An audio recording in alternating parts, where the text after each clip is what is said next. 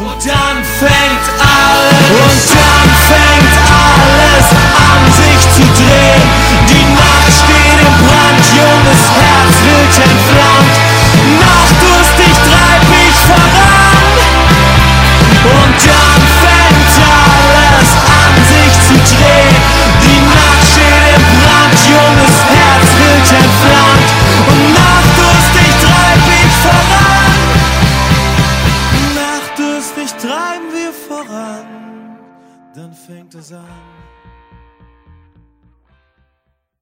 Hjärtligt välkomna ska ni vara återigen till eh, Dreieckete Podcast.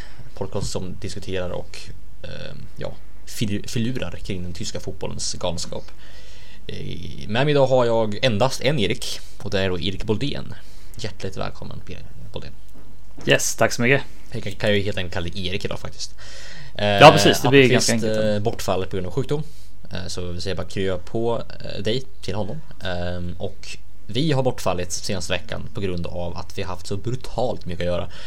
Ehm, jag och Appelqvist har båda två eh, haft, eh, vi har flyttat helt enkelt. Eh, jag håller fortfarande på att flytta, Appelqvist är väl helt enkelt inflyttad nu, hoppas jag. Ehm, och så har ju både jag och de andra också varit på resande fot fram och tillbaka och flugit och hållit på. Så att nu är vi tillbaka igen och vi hoppas att vi nu kan ge er ehm, ett avsnitt per, per vecka som vi konstant lovar er men aldrig riktigt håller. Eh, men men, vi är också mänskliga, vi är också um, svårt att planera. Eh, så att så är det. Uh, vad gjorde du förra veckan? Bolin? Uh, ja, förutom att plugga och sånt där så fick man ju ja, en ganska jobbig helg, i alla fall fotbollsmässigt. Uh, det, var ju, det var ju väldigt fullmatad, ja, i alla fall framförallt söndag då med matcher som, ja men Hammarby-matcher och Leverkusen och sådär. Men det, alla resultat gick väl inte som man ville om man säger så. Nej, verkligen inte. Ehm, typ inget egentligen. Nej. Eh, typ allting gick, gick emot egentligen. Ja. Ehm, ja, men jag hade ju en rätt Hur- bra helg fotbollsmässigt ändå. Hade jag. ja, Eh, menar, just det. Frankfurt vann ju med 3-0 mot Schalke. Eh, vilket var helt, helt okej egentligen. Eh, Arsenal spelade riktigt skitmatch mot Wolverhampton men sånt får man ju ta ibland. Ehm, och eh, mitt tredje lag som jag håller på i skymundan, Hibernian, vet i satan hur de spelar inte faktiskt. Jag såg inte den här matchen. Eh, men de är inte så jätteviktiga för mig ändå. Inte ännu i alla fall. Ja, Men nu, nu kommer jag ju på, Liverpool vann i och för sig, men det, de vann ju mot Fulham så det är ja, det är så.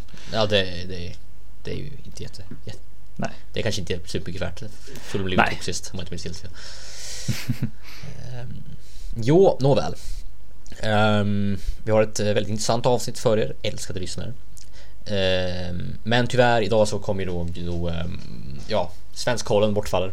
Eh, och även så bortfaller också Ver Estas. Jag är väldigt ledsen, jag vet att den är en extremt uppskattad eh, del av vårt avsnitt. Eh, Trots att jag bara haft den två gånger så har jag fått väldigt mycket bra, bra kritik för den ska jag säga. Så bravo till dig Boldén. Ehm, Men tyvärr så kommer det bortfall idag. För att det är, det är ingen mening att göra den för en person. Visst. Så Nej, att, precis. Dessvärre. Um, jag tänkte jag skulle börja avsnittet med ett litet svep om inte ni har någonting emot det. Eh, och om ni har någonting emot det så skiter jag i det. Jag är klassiker. Oj vad den förundrade. Och oj vad den ödmjukade. Marco Reus visar oss alla var skåpet ska stå. Egentligen. Och den tyska fotbollen fortsätter att förvilla, förvåna och sprida galenskap och kärlek. Där klassiker blev på något sätt en fotbollsmässig definition av vad Bundesliga egentligen står för. Leipzig rullade på annat håll ganska enkelt över just Leverkusen och Eintracht Frankfurt sopar undan Schalke på hemmaplan med 3-0. Jovic 2 mål och Haller 1. FC Köln vann i helgen mot Wahlqvist resten. Men vad då? Jo, 8-1. Trodde med ett nytt hattrick. Han är uppe i 16 mål nu. Och Hannes Wolffs segertåg i HSV fortsätter, vilket gör att HSV faktiskt leder ligan. Mitt älskade SV Sandhausen är nu indraget i en allt mer jämn bottenstrid i Zweite Bundesliga och i Dritte Liga fortsätter Braunschweigs eh, ganska fantastiska kräftgång efter en ny förlust mot eh, Uerdingen. Och nu har man då en vinst på 15 matcher. Eh, illa. Emellertid verkar däremot både då, ja, Preussen Münster och Osnabrück två hetska rivaler från, från, Ruhrområdet befästa sina platser uppe i toppen. Eh, där Osnabrück leder och eh, Münz ligger tvåa. Och även då Unterhaching och Uerdingen kan också cementera sina platser uppe i den eh, tredje toppen. Saftigt känner jag. En saftig helg för alla oss. Då så, Erik. Jag tänkte att vi skulle fundera, undra, tänka, grubbla, filosofera, ta sig funderare, grunna, reflektera, begrunda, grunna, filura, spekulera, klura och kuckelura kring der klassiker. Mm. Såg du matchen? Eh, ja, eh, dock så... Eh, jo, men jag, ja, men jag såg i alla fall alltså, det mesta. Jag, jag, för, för mig gjorde något, kommer inte ihåg vad jag gjorde någonting. Men jag missade kanske typ bara 10 minuter eller något sånt där. Men eh, ja, vilken jävla match. Mm, det var ganska galet. Det var det. Verkligen. Ehm, Det var eh, en sådär... Det är sällan som man har så höga förväntningar på en match och som de faktiskt inlivas. Är inte så? Ja men precis. Ja, men jag brukar alltid ha, som jag snackade om förut, alltså där man verkligen hypar upp en match väldigt mycket. Då slutar de 0-0 liksom. Men det här var ju totala motsatsen. Liksom. Mm, ett bra exempel på det här kan ju vara till exempel då eh, Liverpool mot Manchester City nu i höstas. Mm. Man hade tänkt precis. att, eh, man hade någonstans hoppats på att det skulle bli en sån där sprakande eh, typ 3-2 tillställning där det bara Ja, men exakt. ut alla håll och kanter. Men istället så blev det en ganska lam 0-0. Eh, Mm. Den här matchen hade ju allt. Eh, allt lite till som man brukar säga. Om Mm. man vill vara klyschig, vilket jag vill välja att vara just nu. Eh, jag menar, Bayern München tog ju ledningen, Lewandowski. Då mot sitt gamla lag framför den Mm. gamla styrelsebilen. Um, firade sparsamt kunde jag känna. Eh, lite, jag vet inte om det var menat, jag tror inte det. Ehm, eh, och Bayern Leverkusen hade väl egentligen men, till stor del ganska bra koll eh, i första halvlek kunde jag känna. Ehm, jag vet inte riktigt, alltså Dortmund hade ju några kontringar och så men det var ganska så, de, de kväste Dortmunds eh, anfallsspel ganska väl. Och det var Ja. väldigt sällan som Dortmund hade några kontrollerade anfall helt enkelt. Eh, Bayern hade ju däremot de hade några riktigt fina chanser och de lyckades också göra mål på en av dem. Eh, både Ribéry och Gnabry eh, lyckades eh, förvilla ganska rejält eh, mot eh, deras eh, ganska svaga ytterbackar. Så att det var en väldigt bra förslag från Bayern München. Både taktiskt och spelmässigt och på vis. Och Dortmund hade ju problem. Mm. Ja, vi stod det 1-0 i halvtid, eller 1-0 hur? stod det alltid precis. Eh, Ja. Lewandowskis nick i 26 tror jag det var. Just det. Eh, Men sen så vände ju matchen i andra halvlek helt och hållet. Um, Och allting härrör väl egentligen från att Lucien Favre tog ut uh, Julian Weigel och plockade in Mahmoud Dahoud. Um, Dahoud är en spelare som jag tror alla som, som, som känner tysk fotboll eh, har ansett vara ganska så ganska dålig sen han kom till, till Borussia Dortmund och han har fått ganska många chanser att visa var han står och vem han är men han har aldrig riktigt tagit dem. Ehm, han var ju väldigt bra sist, sitt, sitt, sitt sista år eh, och egentligen sitt enda bra år i Mönchengladbach under Schubert tror jag va? Ja. Men eh, sen han gick till Dortmund så har det inte varit jättebra. Ehm, men den här säsongen har det varit desto bättre. Och det var väl lite underligt egentligen att Weigel fick starta för jag tror att de flesta hade kunnat klura ut att mot just Bayern München så hade väl en Dahoud eller eventuellt en Delaney kunnat passa bättre än en rätt, rätt så långsam Julian Weigel. Mm. Och så var det också. För att eh, man tog ut Weigel, man plockade in Mahmoud Dahoud. Och Dahouds eh, liksom, tricks och, och tics och bollrull i mitten och även liksom, kvickhet med boll skapade ju ett helt annat anfallsspel och ett helt annat sätt att liksom låsa upp de här knutarna som, som Bayern lyckades skapa i första halvlek. Så att man hittar ytor bakom linjer liksom och gjorde ju då 1-1 genom, det var ju, det kom ju på straff såklart men anfallet Mm. var ju mycket på grund av just Dahouds eh, förmåga att, att bryta linjer med löpningar och passningar. Eh, och sen då Royce då. Royce var man såklart inte glömma, han var ju nyckel i allt eh, i hela Ja. andra halvlek. Ehm, och ehm, men sen så direkt efter så gjorde ju Bayern 2-1 igen. Eh, ett väldigt, väldigt vackert anfall faktiskt. Eh, de trixade sig förbi på högerkanten och Lewandowski stod och bara nickade in den i öppet mål. Ja, det var Ehm. riktigt fint eh, fram, fin framspelning där. Ja, från Ja. Kimmich ja. jätte, jätte, jättevackert alltså. Han lyckades På chippa den den tajt, tajta ytan liksom. jättetajt och han lyckades chippa den över, eh, över eh, Mar- Marvin Hitz som stod i mål. Ehm, Mm. Så att, eh, jag är väldigt imponerad över, över just det anfallet från Bayern München. Eh, det, deras första mål var också jättesnyggt anfall. På alla sätt vis eh, Lewandowski och även Müllers rörelse i boxen. När han lyckades Mm. lura bort Kanye var det väl, tror jag som lyckades luras bort. Eh, om inte var Sakadu. Men, eh, och jag vet inte, efter det 2-1 så kände man väl att matchen var, inte över, men att det var liksom Jaha, jaha, det, det var liksom, det var det. Var det någonstans. Alltså så kände jag i alla fall. Eh, ja, men lite så här, men lite så här liksom mindre kalldusch för Dortmund. Bara, oh, shit liksom. Så, men på något sätt liksom. De hade det kan det kanske var, kan komma vara svårt att i alla fall hämta upp och vinna matchen i alla fall. Liksom. Mm, precis, exakt. Um, men en kalldusch, precis så. Mm. Ehm, man inser man någonstans var på gång och sen så bara pang och så kom målet och så vad, vad står man nu? Mm, Ehm, precis, det där, det där kan ta jävligt hårt många gånger. Verkligen. Och, men man lyckades ju skapa chanser och ganska många chanser och man brände ju två jätte, jättechanser. Um, um, både ändå från Paco Alcacer uh, och, och Brun Larsen men även då från, från Marco Roy som missade sätt framför mål. Uh, och sen så gör han däremot Roys mål på den svåraste chansen av dem alla. Uh, Vilket jag kan förstå för att i det här fallet så handlar det mer om instinkt än om att tänka liksom. Att det, det, det bara slå en till. Eh, och det gjorde jag ju på ett alldeles makalöst vackert sätt. Ja, mitt framför riktigt snyggt alltså. Och eh, jag må ofta kalla liksom Dortmund en sekt och, och eh, att det är kultartat och det, det, tycker jag i vissa fall genuint att det är.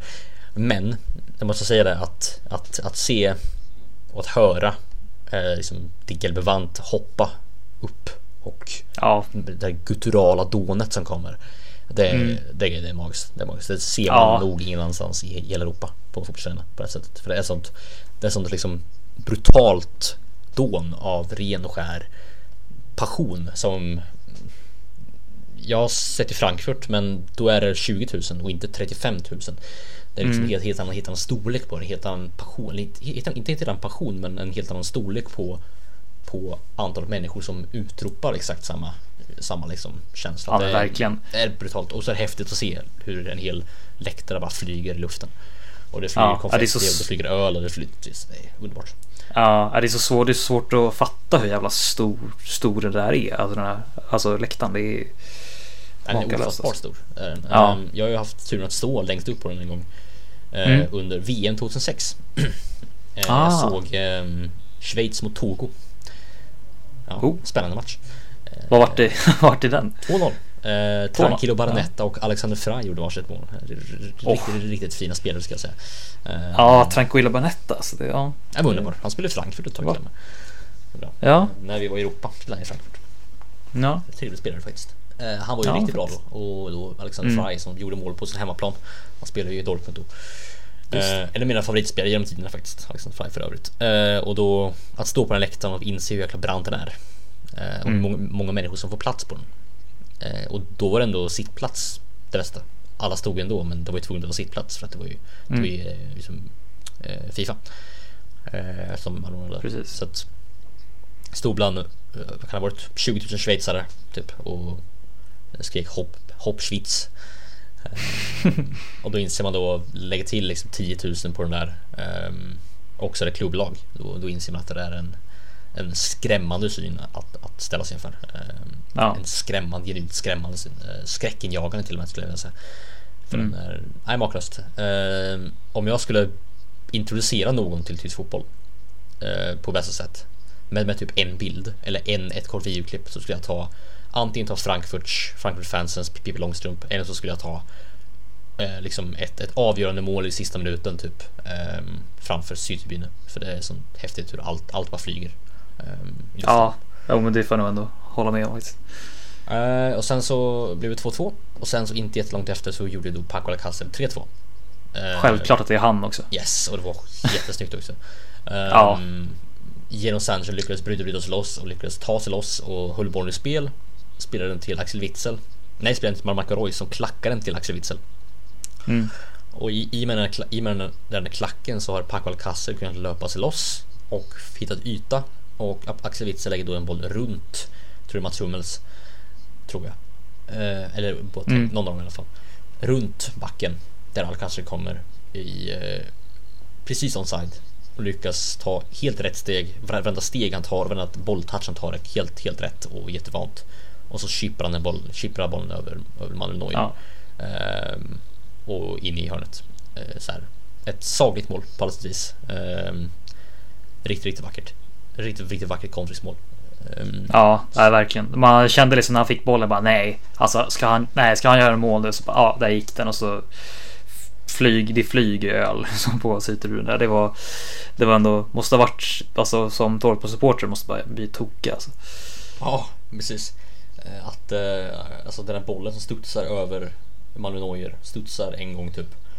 Det, Ja. Jag kan tänka mig att det där liksom när bollen är i luften där, de luftburna momenten känns väldigt, Mm. väldigt ödesdigert och ödesmättat skulle jag säga för Bayerns säsong. För det, där, där då bestämdes he- hela Bayerns säsong kan man säga. Um, Ja. Vad tonen skulle ligga för Bayerns säsong. Mm. Eh, För nu är den satan mig inte, munter. Nej, Ehm, ja, alltså det är ju matchen i sig kände jag var. Det var någon, någon som sa det. Jag tror det var om det var Elf Freunde som sa det i en artikel om matchen att den här matchen är ett. Man kan se på det så här sätt att att Borussia Dortmund, att Bayern München försöker spela samma fotboll som Borussia Dortmund men kan inte och misslyckas därför. Borussia Dortmund försöker spela samma fotboll som Bayern München gjorde för några år sedan och lyckas med det. Och det är sån här att, att Bayern München har så mycket mer än Bayern, att Borussia Dortmund har så mycket mer att ge och att ta av än Bayern München har just nu. Och därför så, så kan Bayern, Borussia Dortmund kan spela på, både sitt sätt och anpassa sig själv till, Borussia- till Bayern Münchens sätt. Medan Bayern München bara kan spela på sitt sätt. De kan inte anpassa sig till Borussia Dortmunds sätt. Eh, Mm. Om du förstår vad jag menar. Eh, Mm, vilket gör precis. att Borussia Dortmund blir så mycket taktiskt flexiblare än vad Bayern München är medan Bayern München är fast i sin, sin, eh, sin höga press och sin, liksom, sin Ko- kovaciska eh, värld. Eh, Oh ja. Som då som Frankfurt-supporter må jag säga är ganska trevlig men eh, just för nu för Bayern supporter är det nog inte det. Eh, borde Kovac gå? Tycker du? Ja, det är ju jävla svår fråga. Det har väl alltså ändå det, det har väl snackats. Jag vet inte om det har snackats mycket i, alltså, i Bajen-kretsar och sånt där, men alltså det har väl snackats väldigt mycket alltså bland alltså, experter och sånt där som inte riktigt liksom, tycker han är någonting. Men alltså jag vet inte, det är jävligt svårt att säga just nu. Men vad, vad tycker du egentligen? Det är väldigt många som inte kan. Som Mm. säger att han ska gå. Väldigt många som Precis, inte kan det känns ju lite som det. Säger att Ja, han ska gå. Och jag som tycker att jag själv kan tysk fotboll tycker ju mm, Jag kan förstå att man vill att han ska gå. För att ytligt sett så är det definitivt så att de är underpresterat. mm, Fast samtidigt så Alltså, jag tror Sepp Maier sa det. Ehm, man gjorde en intervju med honom för han var i, i Åtvidaberg. Um, av någon anledning härom, härom veckan. Jag vet inte Mm. varför han var i Åt- Åtvidaberg och såg på fotboll men han var i alla fall i Åtvidaberg och det- på fotboll. ja. Ehm, och då har man tydligen frågat honom då Vad tycker du liksom ska, ska, ska Kovac lämna? Och han hade sagt att Jag vet inte, jag, jag, jag vet inte riktigt Jag tror inte att problemet ligger i Kovac sa han utan jag tror att, att problemet ligger i att man inte har någon tålamod Att man visste Mm. att den här säsongen som man har just nu skulle komma någon gång mm, man har, man har vunnit sex år på raken. Man har haft sitt bästa årtionde någonsin. För det har man haft. Mm. Man har aldrig vunnit sex, sex titlar på raken. Man har aldrig har varit så här bra under ett årtionde. Ehm, någonsin faktiskt. Ehm, det, här, det här Bayern som vi har sett sedan 2010 ungefär. Det är det bästa Bayern vi någonsin sett. Ehm, Mm. Resultatmässigt i alla fall. Ehm, och man visste att det här skulle komma någon gång. Den här, liksom, det här året, den här svackan. Ehm, så att då få panik över det det är så jäkla kortsiktigt och så jäkla oplanerat och det gör det bara värre än det egentligen är. Och jag tycker de har en väldigt, väldigt god poäng i det. Att ja, men, nästa år så kommer Bayern München vara tillbaka där, där de är. De, då kommer de vara tillbaka på toppen och mm, liksom, gö- göra det där de, de gör. Eh, Mm. Men just nu så är de inte där och det kanske man bara får ta. Man kanske bara Ja. accepterar det. Det kanske inte finns något sätt att, att liksom vända på det här. Det kanske inte finns något någon kort väg ut, någon, någon, någon populistisk liksom, lösning på det här utan det, man kanske bara får acceptera att just nu är Bayern inte bäst i Bundesliga och det kommer man vara i framtiden igen och det kommer man vara de närmaste fem Mm. åren igen. Men just i år kanske man inte är det och då, ehm, då är det så. Då får man bara Mm. se det som det är och bara liksom gå vidare från det. Eh, ja verkligen. Ja, jag tror det är viktigt att de, alltså att alla alltså supportrar och alla liksom i Bayern München inser det jävligt snabbt för att det, det kan, det kan gå, alltså det kan gå snabbt och tufft om man inte liksom Ja men, ja, men jag tror de borde liksom bara säga ja men nu kanske vi i alla fall kanske hamnar en topp fyra i alla fall. Kanske bara satsa på det istället för att ja, men verkligen satsa på att liksom komma tillbaka igen. För det blir Det känns som det oftast blir inte bra liksom. Nej, det är sant. Eh, Bayern München är ju en väldigt elitistisk klubb på både gott och ont. Eh, på gott på så sätt att man, man kommer alltid alltid aldrig att nöja sig med, med topp 4. Man kommer alltid sikta mot nummer ett. Nej. Men det är också dåligt på det här sättet att man kommer alltid känna att man är man, man som klubb är värd någonting utan att man kanske har förtjänat det. Mm. Och där finns en ganska stor risk att man, man hamnar i en slags eh, vakuum där man anser att man är bättre än man egentligen är. Och då, Mm. då investerar man inte som man ska för att man, man, man tror att man redan är där, där man bör vara. Men det är man inte. Det har vi sett med ganska många klubbar som har fallit i glömska. Typ. Ja, nu, nu, nu är Nürnberg tillbaka, men typ Kaiserslautern är en sån klubb som inte Ja. har, inte har an, använt sina, sina, de pengar de har rätt. För att de anser att ja, men, ja, men vi förtjänar att vara där uppe ändå. Nej, det gör ni inte. Resultaten visar bara vad ni förtjänar att vara. Ja men precis, ja, men gömmer sig bakom så ja, men vi, vi, är en, vi är en stor klubb och liksom så här, ja liksom så här. Det, det, det, det löser sig liksom, så här, men det, det gör inte det. Där Liksom. finns en risk att Bayern hamnar. Nu kommer Mm. de inte göra det på grund av att Nej, de är elitistiska, på grund av, att det är en klubb som alltid kommer sikta på nummer ett och därför kommer Mm. de aldrig hamna där. De kommer inse, eh, inse att de måste stärka, stärka upp sig själva före den, den stunden kommer. Mm. Eh, men det, elitismen kommer också inså att den här, den här säsongen så kommer det vara kris. Man kommer, vara- kommer vara kaos. Man kommer vara, det kommer vara en klubb som är i uppror. Av ganska så underliga anledningar egentligen. För borde man vara i uppror? Borde man ha kris? Jag menar, man ligger femma. Det är inte som man ligger på nedflyttningsplats. Man ligger femma och laget som leder är typ Europas bästa lag. Samma som Mm. Manchester City och PSG kanske. Så att, nej, jag tycker inte att det är så jäkla krisartat. Man, man, borde, man borde inte sparka Kovac. För Kovac är en kompetent Nej. tränare. Han är en väldigt kompetent tränare. Eh, Mm. Man tar inte liksom, inte Eintracht Frankfurt till, till, till cupvinst utan att vara en kompetent tränare. Nej, precis. Och ge honom tid och ge honom utrymme och ge honom tid att verkligen befästa sin position som alfahanne i klubben. Så Mm. kommer han kunna göra riktigt, riktigt fina saker med den. Mm. Eh, Det, Ja, det tror jag också. Så, så, så ser min, min syn på Bayern München ut. Ehm, Mm. Ja, det är väl snarare liksom att liksom, jag menar, truppmässiga de borde komma ko- kolla över istället för liksom ho- hojta på tränaren liksom. Definitivt. Man måste titta var, vad, vad man har egentligen. Och Ja, vad, vad man inte har. Vart, Mm. vart sitter man, vilken, vilken båt sitter man egentligen i? Är det, är det liksom en, en jakt eller en eka? Ja, Mm. eh, får man anpassa sig till det. Kanske dumt att ha liksom en stor motor till en liten eka när man kanske bara behöver ha, ehm, ha eh, vad säger jag, eh, paddel, åror heter det. Eh, ja mm, precis. Väldigt, väldigt, väldigt, väldigt utskenande metaforer men ni fattar säkert vad jag menar. Ehm, ni vet ju hur mycket jag älskar utskenande metaforer. Och orimliga metaforer. Nåväl. Um, Borussia Dortmund då? Hur, alltså... Säsongen som det är just nu. Vad tycker du att deras mål med säsongen måste vara? Måste den vara just nu, som det ser ut nu, att man ska vinna ligan? Är, är det kravet på dem? Efter den här säsongen? Man ligger ändå fyra poäng före Gladbach. Ja, Gladbach, Leipzig eller Frankfurt börjar anses vara verkliga liksom titel eh, verklig titelkonkurrens egentligen. De kan ju Mm. bli det, men jag tror inte det. Ehm, så vad, vad skulle du säga att kraven just nu är på klubben? alltså. Jag tror att, alltså i alla fall de själva liksom just att det känns på något sätt som att ja, men de på något sätt ändå har väntat lite grann på den här matchen till, alltså mot Bayern München och så här okej, vinner vi här då, då kan det nog liksom verkligen gå vägen och alltså det är ju med all rätta, alltså jag menar de är, de är ju obesegrade och alltså de, de ser ju de imponerar ju på en, alltså gång på gång liksom. så att jag, jag tycker det är fullt rimlig liksom, alltså, målsättning att ha att vinna guldet för alltså, det, är, det är en väldigt bra sits de har satt sig i, i alla fall än så länge. Mm. Nej, men jag håller med dig där. Jag tror man har väntat till den här matchen med att Mm. ta ut någonting någonstans. Det är väl rimligt kan jag tycka.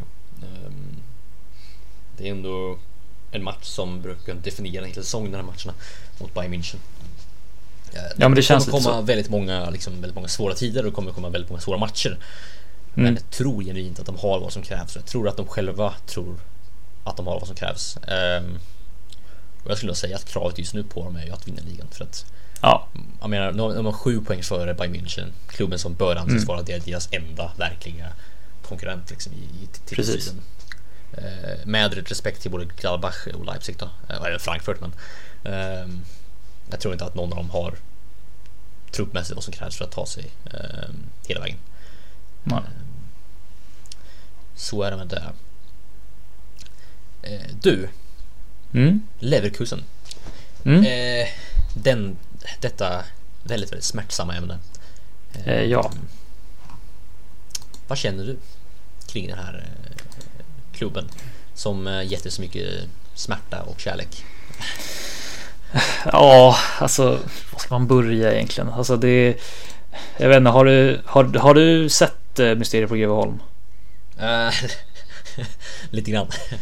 Ja, alltså jag, jag, jag tänker så som livet som Leverkusen-supporter, det är lite som när det vet inte, Ivar heter han i, ja men han som är sonen i familjen.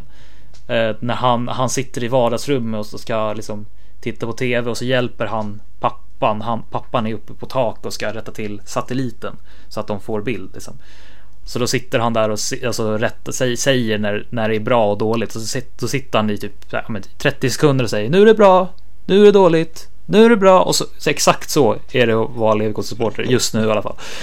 Alltså det är, ja men, ja men, alltså det är exakt så. För det är liksom, ja men för, för några veckor sedan, ja vi liksom krossar, alltså Werder Bremen eh, med eh, 6-2. Eh, det är liksom, ja men, alltså krossar Mönchengladbach. Så, så här, väldigt stort med på bortaplan och det är, man känner Belarabi i form och det, det bara känner, man börjar se tillbaka, men gud, nu kan det börja hända, hända någonting. Och sen så kommer man tillbaka igen och så, ah, då blir det 4-1 förlust hemma mot eh, Hoffenheim och sen så kommer, kommer den här förlusten igen och det är så här, det är, det är noll kon- kontinuitet. Även i så här, det, det, det är inte ens någon kontinuitet i förlusterna. Alltså man blir så, man vet inte riktigt hur man, vad man ska komma in med, med förhoppningar inför matchen. Liksom. Det, det, det, det är det som är så jobbigt.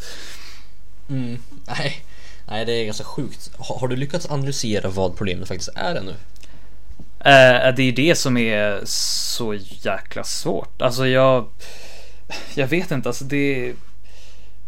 Alltså, nej, det, det är det som jag tycker är jättesvårt. Alltså på no, det, det finns på något sätt ändå kvar på, no, på något vis typ det som jag ändå kunde analysera i början på säsongen. Att det är så här, det är någon, det är någon, någon liten frustration i typ varenda spelare som typ liksom gör att de bara tippar över till att det går dåligt under matcherna. Jag vet inte, bara så att det kanske de får kanske en grej emot sig och då bara liksom då typ fallerar allting på något sätt liksom. Eh, men eh, ja, det är, det är jävligt svårt egentligen. Alltså det är, om man ser på senaste matchen då är det ju alltså då börjar ju försvarsspelet eh, alltså fallera igen liksom. Eh, då det, jag tycker ändå att det var bra i början på säsongen men nu börjar det gå dåligt igen när det ja, det är så jävla svårt bara. Eh, om man, eh, ja. Det är också om en, om en, om, om Niko Kovac sitter osäkert och Bayern München börjar snacka om krishantering. Ja, då får de väl kolla på Leverkusen och så får ni väl må bra igen liksom. Ja, ja allt är ju relativt. Så är, så är det. Mm. Ehm, och du tycker ju att Herrlich ska lämna nu. Ja, alltså det... Jag gick ju alltså typ... För några veckor sedan så var ju liksom... Det är ju såklart att han måste liksom sticka. Sen så börjar de här bra resultaten komma. Du vet, då börjar man säga ah, ja men det... får vi vinner vi några matcher nu så ja, börjar man komma med den sidan liksom. Så Men nu börjar de här stora förlusterna komma igen och... Eh, jag känner väl liksom... Ja, någon, någonting måste ju hända i alla fall. För att liksom... Som jag skrev på Twitter, jag är ju så fruktansvärt trött på de här inläggen som man får se. Ja, man är ju så van att se nu i stort sett varje vecka. Bara, ah, not the result we wanted but uh, thanks for the support. Och det, ja, det, det, blir, det blir tröttsamt efter ett tag. Liksom. Och ja, som vi pratade lite grann innan podden. Liksom, alltså, alltså tidigare på säsongen då kunde man ändå gömma sig bakom. Ja, ah, men det är, det är ändå gått fyra, fem matcher. Så, ah, det, är så, behöver inte skrika så här akuten liksom. Men nu har det ändå gått 11 omgångar så att det jag tycker ändå det säger ändå någonting och, och att vi ändå ligger, alltså det är ändå tre poäng ner till alltså nedflyttningsplats. Alltså det, ja, det säger, det säger ändå en hel del just nu. Mm. Nej, jag håller med dig. Alltså, jag, jag tycker ju att han ska lämna. Mm. Ehm, ganska klart. Alltså det, det är nästan förvånande att han inte gjort det ännu. Jag menar, Ja, man ligger, ja, jag- alltså, man har släppt in 24 mål. Ja, Har han gjort. Eh, Det är Mm. alltså näst flest i hela ligan. Eh, Ja. De enda man släppt in, den enda man släppt in färre än, det är Düsseldorf. Mm. Och Dü- Düsseldorf har då en förlust med 7-1 mot Frankfurt i bagaget. precis. Så de har släppt in lika många mål som Stuttgart. Eh, Mm. Som har ett antal 4-0 förluster. Och Nürnberg som har 0-6 och 0-7 mot eh, Mm. Leipzig och eh, Dortmund respektive. Mm. Och då förstår man hur dåligt deras försvar har varit. Ja, Eh, anfallet har gjort 16 mål. Och där är man i mitten av ligan ungefär. Eh, ja, Mm. nära, nära botten men fortfarande i mitten. Men alltså, jag vet inte, det är... Eh, Leverkusen är ju en klubb som efter förra säsongen, och ja, ja, egentligen alla säsonger ska ligga topp top 6, topp 7. ja, Um, och att det gått 11 matcher som du säger, det börjar, det börjar pyra. Alltså efter, fem Mm. matcher, visst, det kan jag gå med på. Och efter fem matcher ska man inte sparka en tränare. Eh, Nej. Absolut inte. Det finns många klubbar som har gjort det och då har det inte gått Mm. jättemycket bättre. Man, man Nej, precis. såg Gladbach sparka eh, Favre efter fem matcher, fem raka förluster för några år sedan. Plocka in Mm. André Schubert, the rest is history som man säger. Eh, för det gick ju åt helvete också. Ja, det är relativt men det gick inte, inte bra i alla fall. Ehm, det var ju inte ett steg i rätt riktning.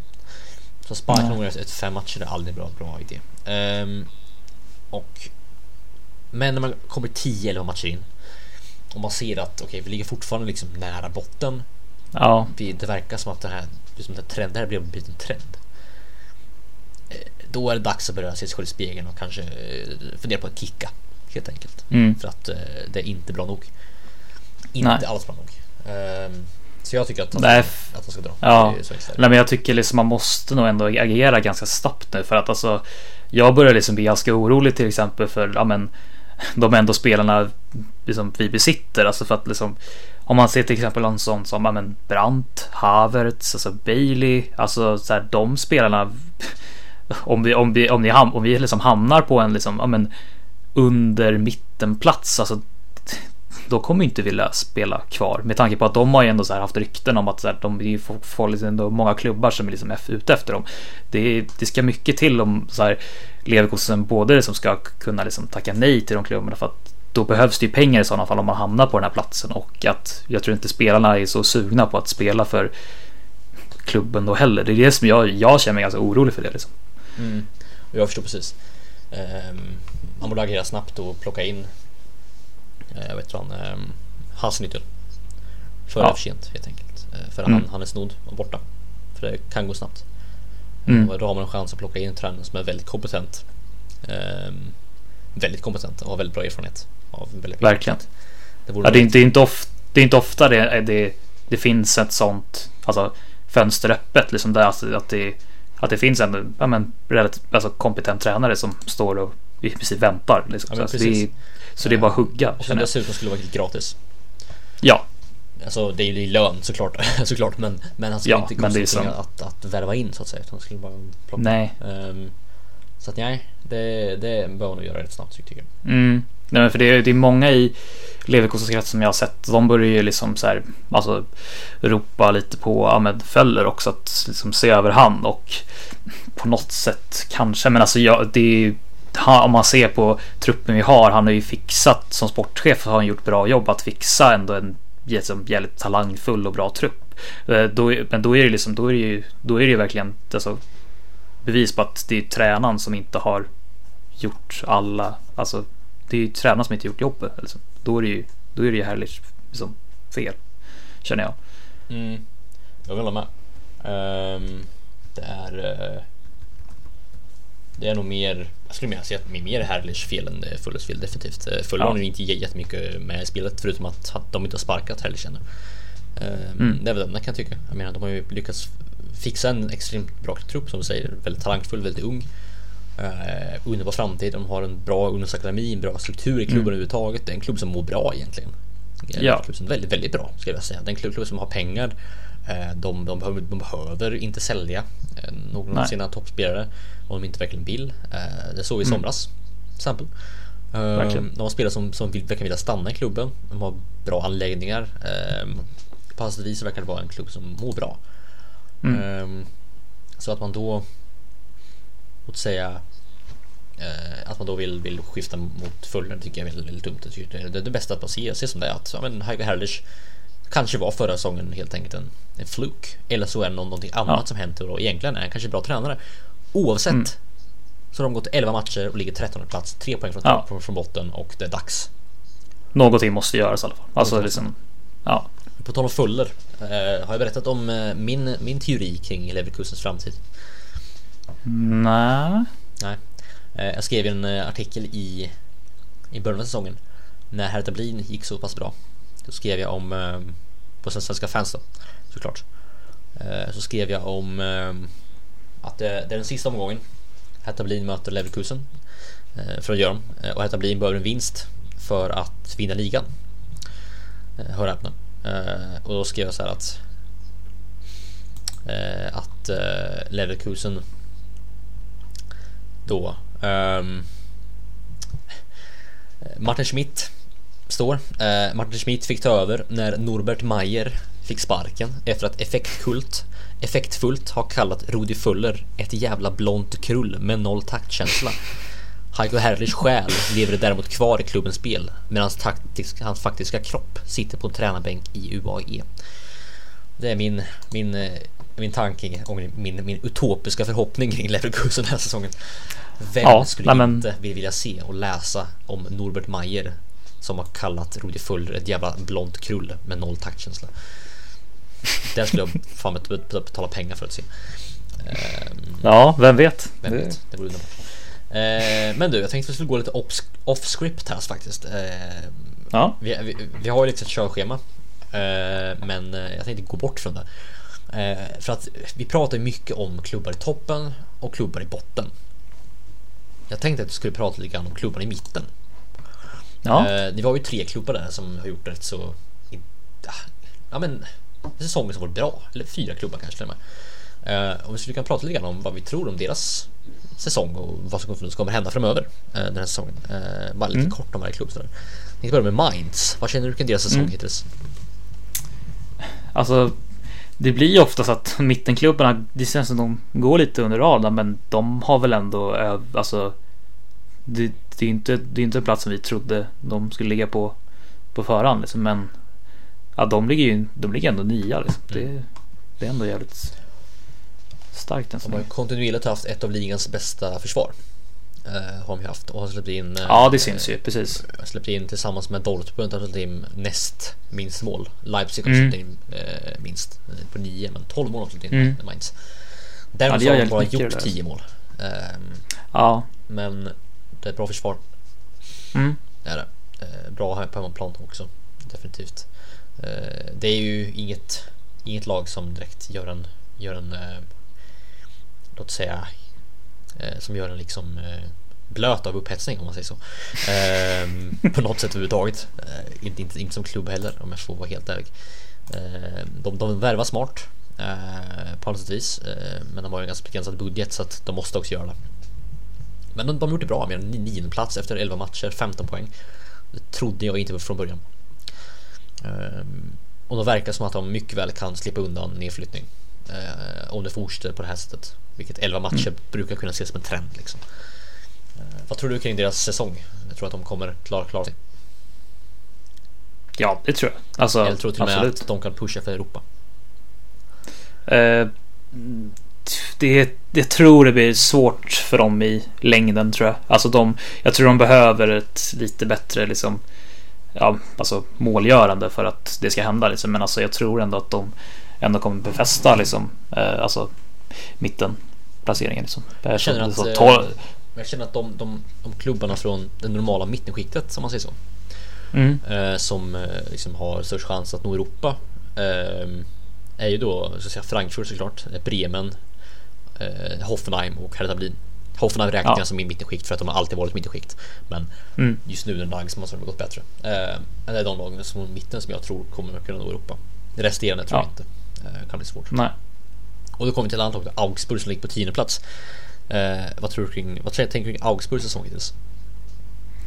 Eh, nej men jag har inte eh, sett dem så mycket men alltså de har ju om vi ska se ett skillnad mot eh, eh, Mainz så har de ju ändå alltså Finn Bogason som gör ändå alltså som ändå kan hitta på någonting och de jag tror ändå de kan, kan de kan ändå överraska många gånger. Vi såg ju det till exempel mot eh, Dortmund. I och för sig vann de inte matchen men de gjorde en jävligt gedigen insats där på Westfalen så att de, de det är ett lag som ändå de är, de ändå lurar men de, de kan även alltså, överraska liksom. Eh, tror jag. Mm, men verkligen. Jag, jag gillar Augsburg väldigt mycket. Eh, Mm. Tycker det är en extremt sympatisk klubb. Eh, väldigt sin stad. Ehm, Och jag tycker att de har, de, gör, de har snygga tröjor oftast. Mm, det har de verkligen. Väldigt stilrena faktiskt. Ja. Exakt. Eh, och så har de ju såklart en av ligans bästa hymner. Nu när, Det nu när. Köln är borta så har de nog fan med ligans bästa hymn. Eh, kan vi klippa in den här? Nicht nur am Samstag für dich da.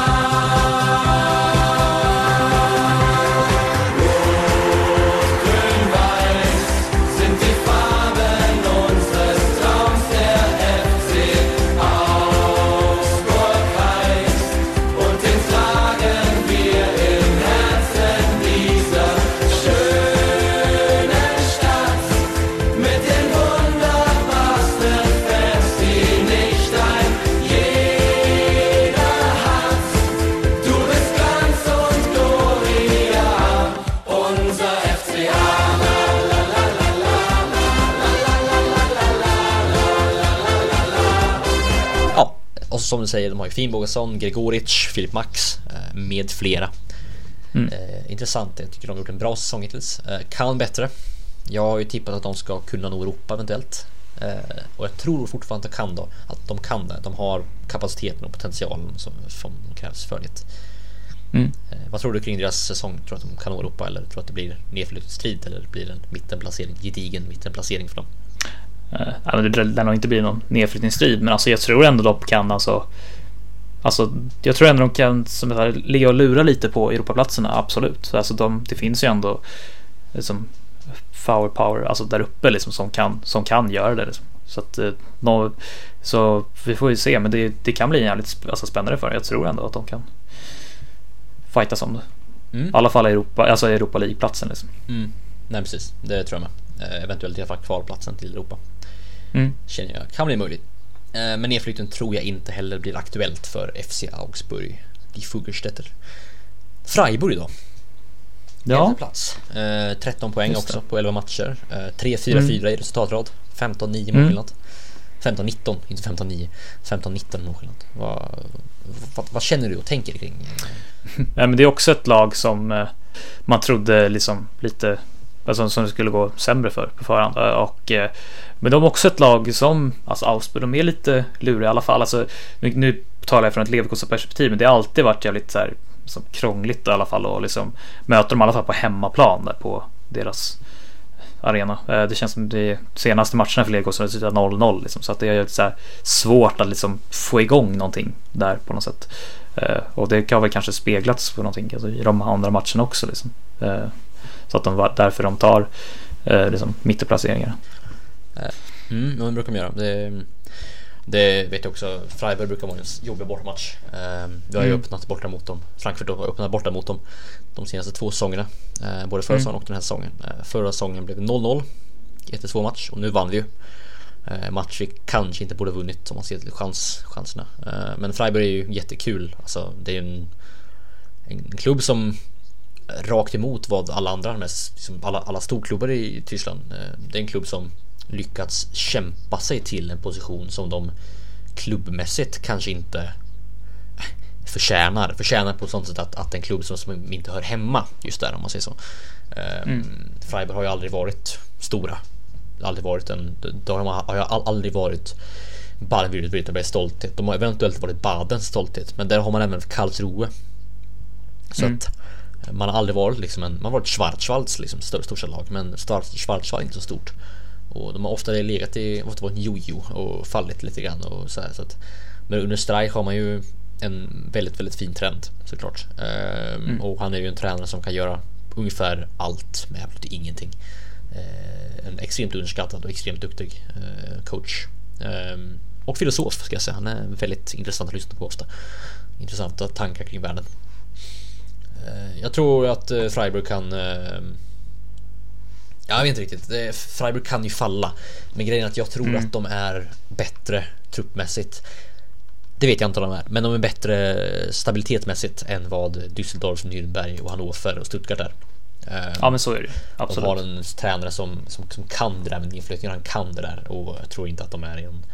De kommer nog finna att de är ganska lugna. Eh, jag tänker en 13 mm. eller någonting på dem liksom. Eh, något sånt där. Ja. Det ganska bra tror jag. Eh, Wolfsburg då tänkte jag också att jag skulle ta. Det är en intressant mm. klubb. Tydligen så finns det bara en Wolfsburg supporter i hela Sverige. Jag tror det kan stämma. Shoutout till honom i så fall. Imponerad ska jag säga. Ja. Um, hur man lyckas hitta den klubben. Men uh, det är ju det är en väldigt intressant klubb på många sätt och vis. Har en intressant lång historia. Uh, inte, ja. jätte, inte jätteälskad i Tyskland eller i Sverige för den delen. Men uh, den har verkligen sitt värde på alla sätt och vis. Intressant säsong för dem, eller hur? Ja men verkligen. det, det känns som de har ju ändå steppat upp eh, liksom något i alla fall från eh, alltså förra säsongen. Ja men verkligen. De, de, de öppnar jättebra. Ehm, mm. De är uppe i toppen de första omgångarna. Ehm, mm, nu är det jättesvårt att göra kanske men gjorde de ändå och de, hade ju, har ju en vet du, Wout Weghorst som gjort en jätte, jättesäsong hittills tycker jag. Mm. Ehm, lite oväntat. Jag tror inte han skulle vara så bra faktiskt. De har, brukar ju Nej. ha en tendens att de tycker om stora starka anfallare i Wolfsburg. Mm. De värvade in både honom och värvade in David Ginczek också från Stuttgart. Eh, de har ju en, de har haft både Bentner, de har Bastos, de har haft Tjecko, du vet, Mandzukic. De, tyck, de, de, de tycker om den där centertanken längst upp. Eh, ja. Det drar med stort fan den. Och Wout Weghorst är ju en sån. Och han har gjort det jättebra. Med, han har fått, gjort ganska mycket mål. Eh, överraskat väldigt mycket. Eh, Wolfsburg mm. tycker jag har gjort en bra säsong hittills. Och kommer de, mellan 12 och 9 någonstans så ska de vara nöjda med det. För det är ingen klubb mm. som normalt sett ska vara uppe och fighta som Europa utan det är en klubb som ska ligga där någonstans i mitten. Mm. Eh, om man ser till deras historia och vad de, vad de ska vara som klubb eh, och vad de är just nu klubbmässigt också så bör de väl hamna där kan jag tycka. Det är en för, för, för bra trupp för att de ska åka ner. Eh, men sen har man ändå Bruta Labadia och då får man ju då blir det som det blir. Um, men mitten, mittenplacering känns det som det bästa. Känner jag. Ja. Eller vad känner du? Jo men, det, jo, men jag känner samma sak. Det är absolut. Det är intressant. Eh, de här mittenlagen. De kan ofta berätta väldigt mycket om, om hela, liksom hela Bundesliga hela säsongen. Eh, bara genom att titta på dem. Ehm, så det är intressanta lag. Eh, vi har inte jättelångt kvar på det avsnittet. Ehm, jag tänkte jag, jag skulle få prata lite om Frankfurt om du har lust att lyssna. Om ni har lust att lyssna ja, absolut. Eh, också såklart. Ehm, för det är ju så att jag har varit ganska tyst om Eintracht Frankfurt. Eh, för jag är väldigt aktiv på Svenska fans. Där jag skriver.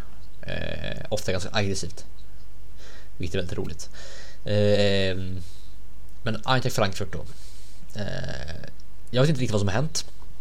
Om man ska vara ärlig. Jag är lika chockad som ni är. Eh, jag kan inte komma med någon riktigt, riktigt spikrak analys kring säsongen. Varken ut eller in vet jag. Men det som har hänt är helt enkelt att Adolf Hütter, ja så heter han, eh, har kommit in efter Niko Kovac och har lyckats förvandla den här defensiva truppen, den här defensiva klubben till ett sprakande underverk som liksom men, lyser upp natthimlen på något sätt. Um, och det har jag gjort med hjälp av då speciellt en trio. Det är då Jovic, Rebic och eh, Sebastian Haller. Som alla tre har varit dunderbra den här säsongen. Men det finns andra spelare som också varit superba. Uh, Kevin Trapp i mål har varit hur bra som helst. En klockren värvning. Uh, jag trodde inte att det skulle bli så bra. Uh, men eh, han har gjort, gjort det hur bra som helst. Riktig stabilitet tillbaka. vi har även då eh, eh vet han, eh, Evan Endicka.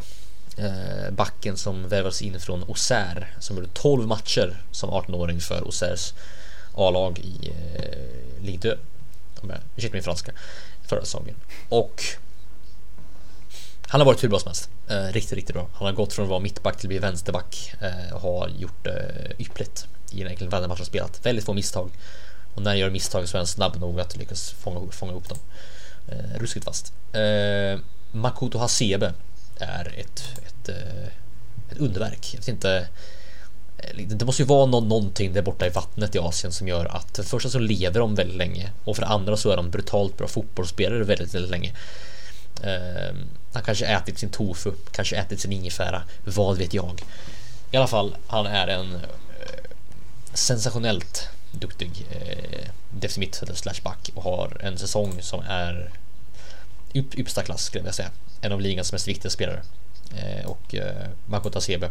Eh, han är 34 år gammal tyvärr. Men hade han varit 10 år yngre så hade hans marknadsvärde varit 25-30 miljoner. Eh, kanske bra för Frankfurt. Eh, och sen Jonathan de Guzman har haft en också sensationell bra säsong. Tycker jag.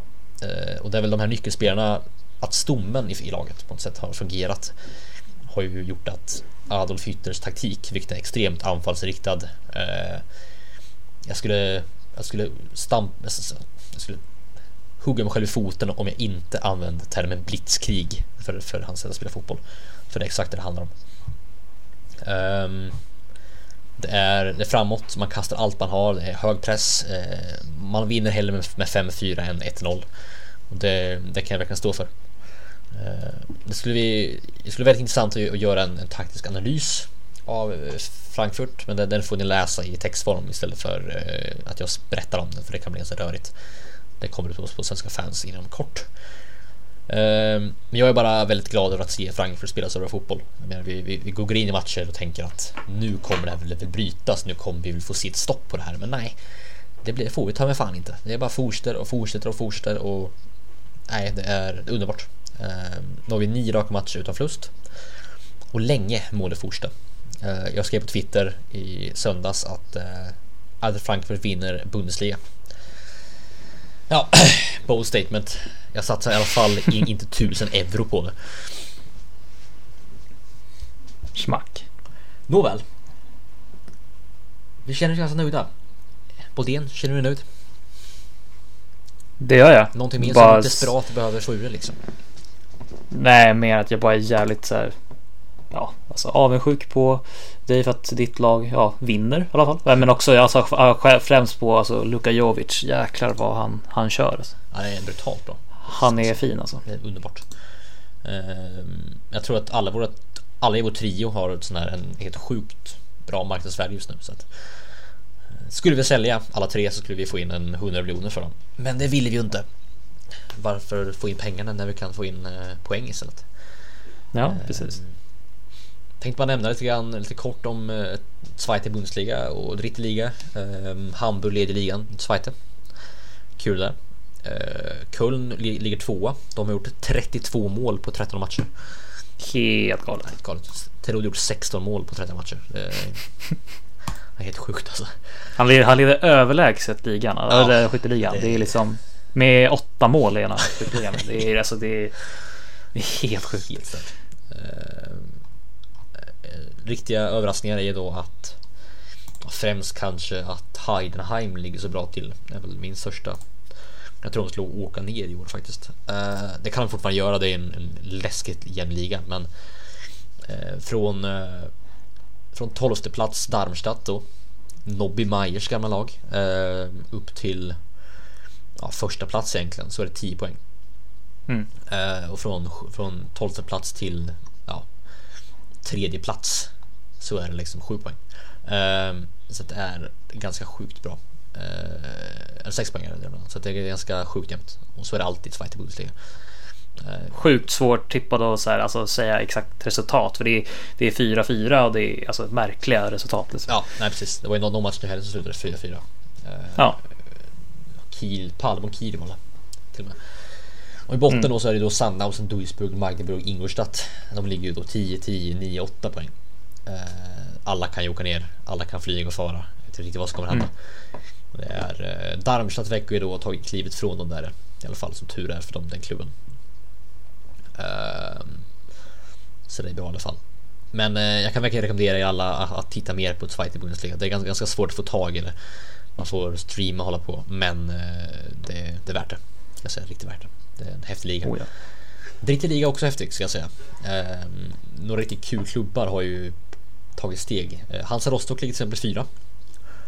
Eh, vilket jag tycker är väldigt, väldigt roligt. Eh, jag har en väldigt aktiv redaktion på Hansa Rostock på Svenska fans. Som jag tycker verkligen ni ska besöka om ni vill intresserade av Dritte liga eller bli intresserade av Dritte liga. Eh, jag kan väl verkligen tycka att ni ska hoppa in och läsa. Väldigt duktiga skribenter. Eh, Karl Fagrenius ehm, Men det krigade är ju då Osnabrück och Preussen Münster leder ju då två rivaler i toppen. Eh, och sen är Karlsruhe eh, trea, vilket också är väldigt kul. Ehm, sen har du Uerdingen och Unterhaching, två riktiga outsiders också uppe i toppen. Och i botten då så ligger ju då Eintracht Braunschweig tok sist. Med en vinst från 15 matcher. Ehm, och de verkar ju då falla ur för att de ligger då 8 poäng från en, eh, en säker plats. Eh, Mm. Åtta poäng redan nu, det känns jobbigt faktiskt. Väldigt tufft. Eh, Så det är bara att hoppas från att de lyckas ta sig ur det där. Annars kan bli svårt. Ja, verkligen. Ja, men mina damer och herrar, vi får väl helt enkelt tacka för oss. Ehm, Det har varit underbart att prata för er igen. Underbart att ha er med oss.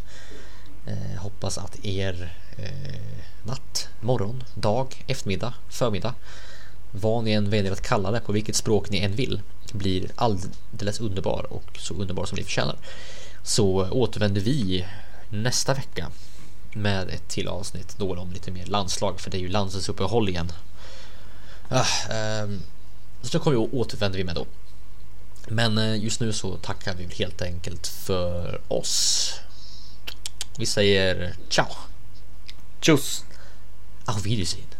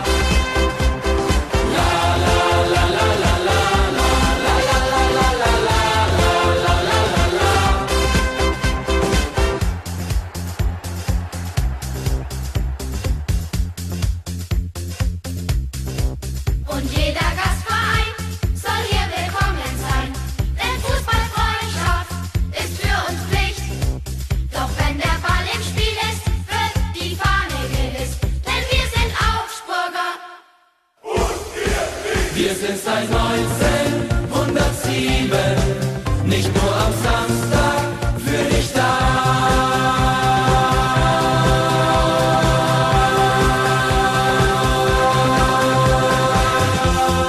Rot, Grün, Weiß sind die Farben unseres Traums, der FC Augsburg heißt. Und den tragen wir im Herzen dieser schönen Stadt. Mit den Fans, die nicht ein jeder hat.